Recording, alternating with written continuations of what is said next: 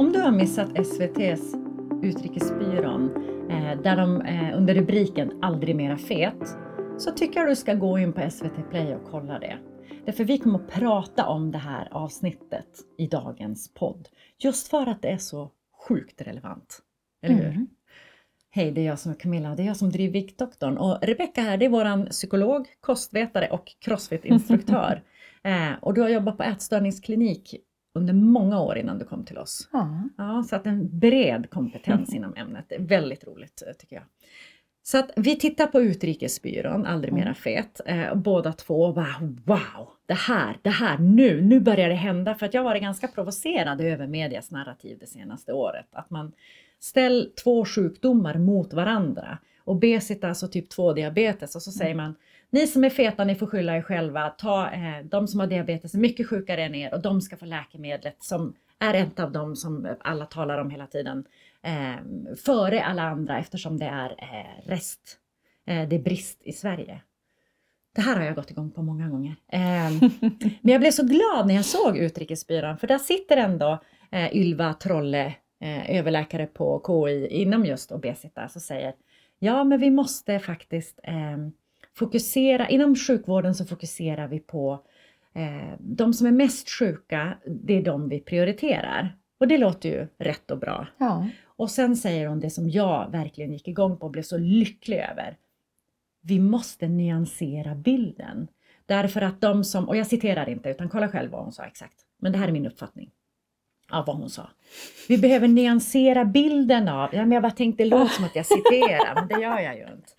Eh, av vem som är mer sjuk. Därför det kan vara så att en individ med obesitas, fetma, har en mycket svårare sjukdomsbild än en person som har typ 2 diabetes. Mm. Därför att det finns många följdsjukdomar av fetma där typ 2 diabetes bara är en. Det är hjärt och kärlsjukdomar, det är lunginsufficiens, det är fettlever etc. etc, etc. Det är inget bra att få fetma. Det kommer inte att leda till något positivt om man säger så. Utan här handlar det om det vi, alltså fokus för oss, att förebygga att fetman eskalerar och försöka dra tillbaka den så att man når en helt, en helt annan position i livet faktiskt, en, en hälsosam nivå där man kan hantera sin sjukdom. Så jag gillar att Ylva sa, man måste titta på vem är mest sjuk i den här situationen, nyansera bilden lite. Det var en av mina takeaways. Vad tänker du? Ja, eller jag tänker fetma i sig utgör ju inte hur eh, hälsosam eller inte hälsosam man är. Eh, så man behöver verkligen kolla på fler faktorer utav människors mående än eh, bara vikten eller eh, bara en diagnos på ett papper. Eh, så att, eh, eh men precis, att, att vi nyanserar det. Eh, så att det, det inte heller blir så här den här gruppen av människor mot den här gruppen av människor. Eh, jag tänker bara, det finns må många olika nivåer inom de olika diagnoserna. Ja, verkligen. En annan sak som jag reagerar väldigt starkt på, det är de ju duktiga på SVT att göra grafik. Mm. Och så visar de på, okej, okay, men hur ser det ut med eh, övervikt och, och fetma i världen? Och så Ja. fick man se, var i världen ligger eh, befolkningen på en övervikt mellan 50 och 60 procent? Mm. Alltså mer än varannan person. Och då bara, Sverige, Norge, Finland, Danmark, hela fastlands-Europa faktiskt, förutom Spanien. Eh, Ryssland, stora delar av Asien, norra delen av Asien, eh, etc. etc. Det är klart man, man tittar mest på det som ligger eh, närmast, eh, eller det är ett intresse som, ja, anyways. Eh, men så tittar man på, okej, men hur ser det då ut om vi, om vi går upp ett steg till, om vi tittar på eh, befolkning över hela världen där fettman, eh, övervikten, förlåt, ligger mellan 60 och 70 procent. Då har vi UK och Spanien. Vi har hela Nordamerika, Mellanamerika, vi har Sydafrika, vi har Australien, vi har 60 till 70 procent av befolkningen. Alltså det här är verkligen en, en global trend att det bara går uppåt, uppåt, uppåt. Ja, bara i Sverige kan man säga att eh, människor med eh, fetma, eh, fetma kan ju graderas också i olika grader, där eh, desto högre grad du har desto eh, fler hälsorisker finns det med sjukdomstillståndet. Så fetma grad 1 är då från BMI 30 till 34,999 eller vad det nu är. Grad 2 från 35 till 40 eller strax under 40 och grad 3 40 och uppåt. Ehm, och där man, när man Folkhälso... Vad heter de? Folkhälsomyndigheten. Ja, mm. myndigheten, kan man inte ihåg det? Mm. ja, eh, men de eh, har kikat på hur ser det ut i Sverige eh, från 2004 till nu. Och där, om man kollar på fetma grad 1, så har det ökat från 8,8 procent av svenska befolkningen till 11,8 procent.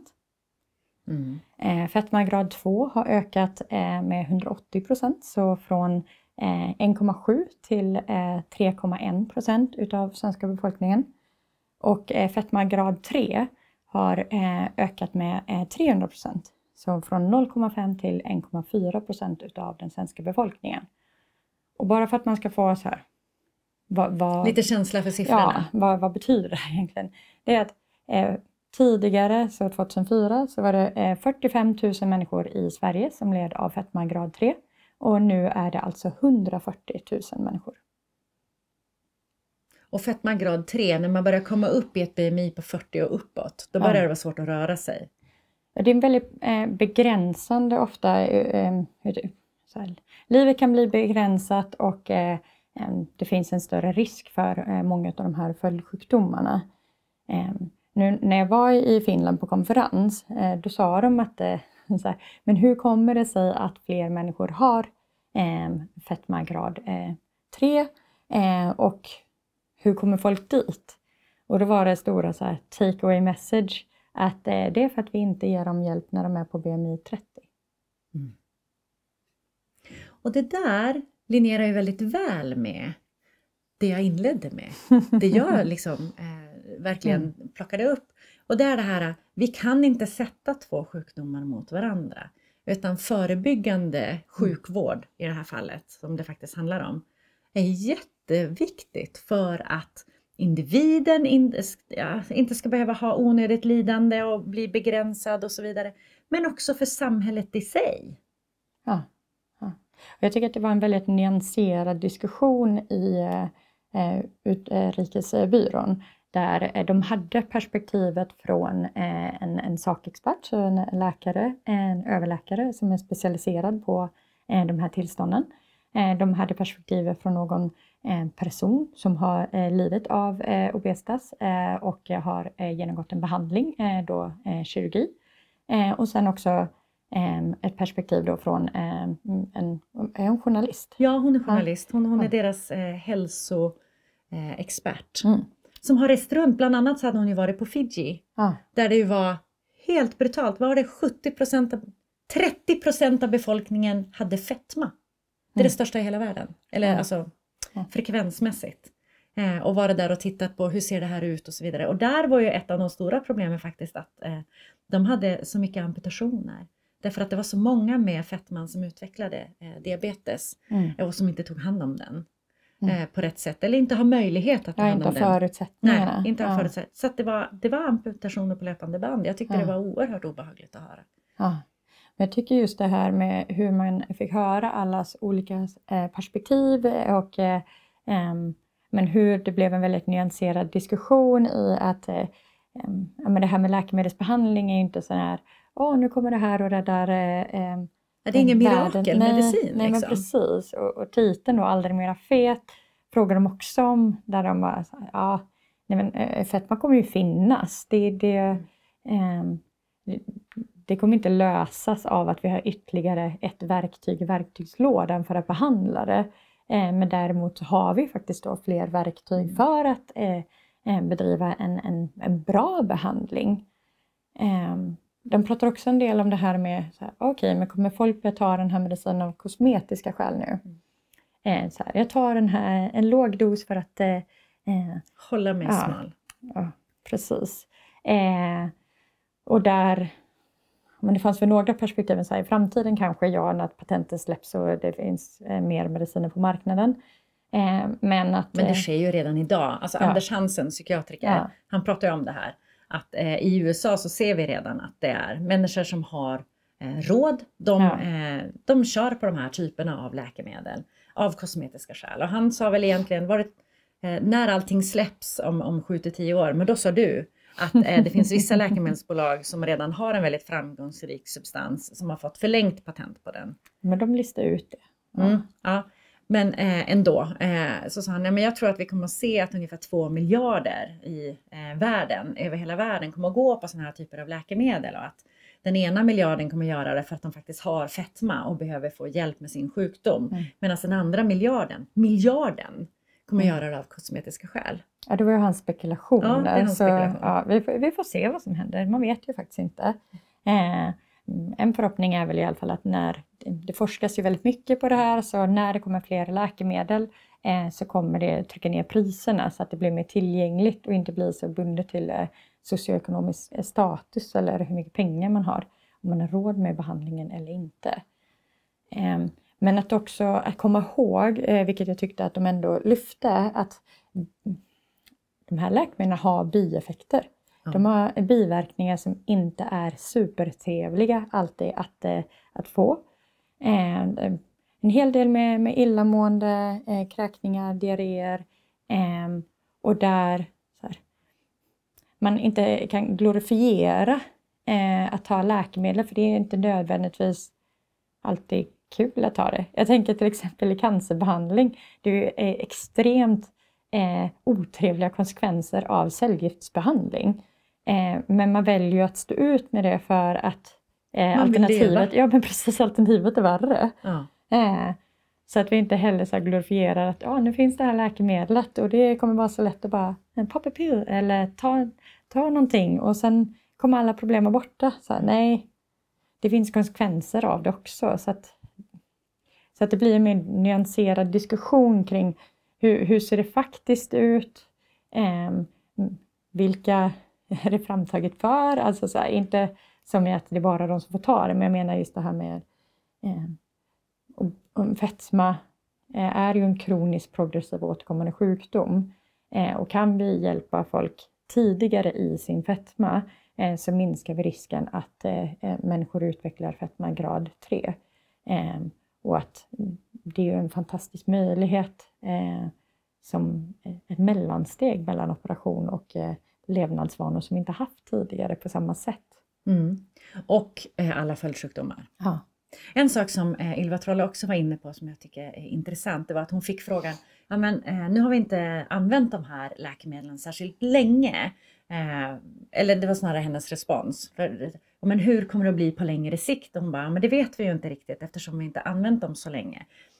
Däremot är det ju många miljoner människor som har tagit de här typerna av läkemedel. Mm. Därför att de satts ju in tidigare för diabetes och nu eh, är det då ännu fler människor som tar dem idag av, av fler skäl. För det är ofta så med läkemedel. Mm. De börjar användas om man ser positiva effekter på annat. Eh. Ehm, men då säger hon så här, det är så pass många människor som har använt de här läkemedlen under så många år ändå. Mm. Och vi ser inga allvarliga eh, konsekvenser. Än i alla fall. Så hon, jag, jag upplevde inte att hon var särskilt orolig över att det här skulle bli katastrof. Någonting som behöver dras tillbaka från marknaden.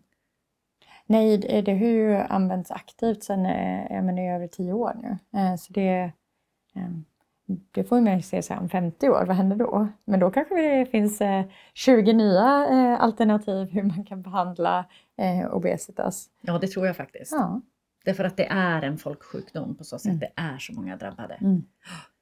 Är det någonting som eh, vi inte har tagit upp och pratat om från Utrikesbyrå, aldrig mera fet, som du skulle vilja lyfta?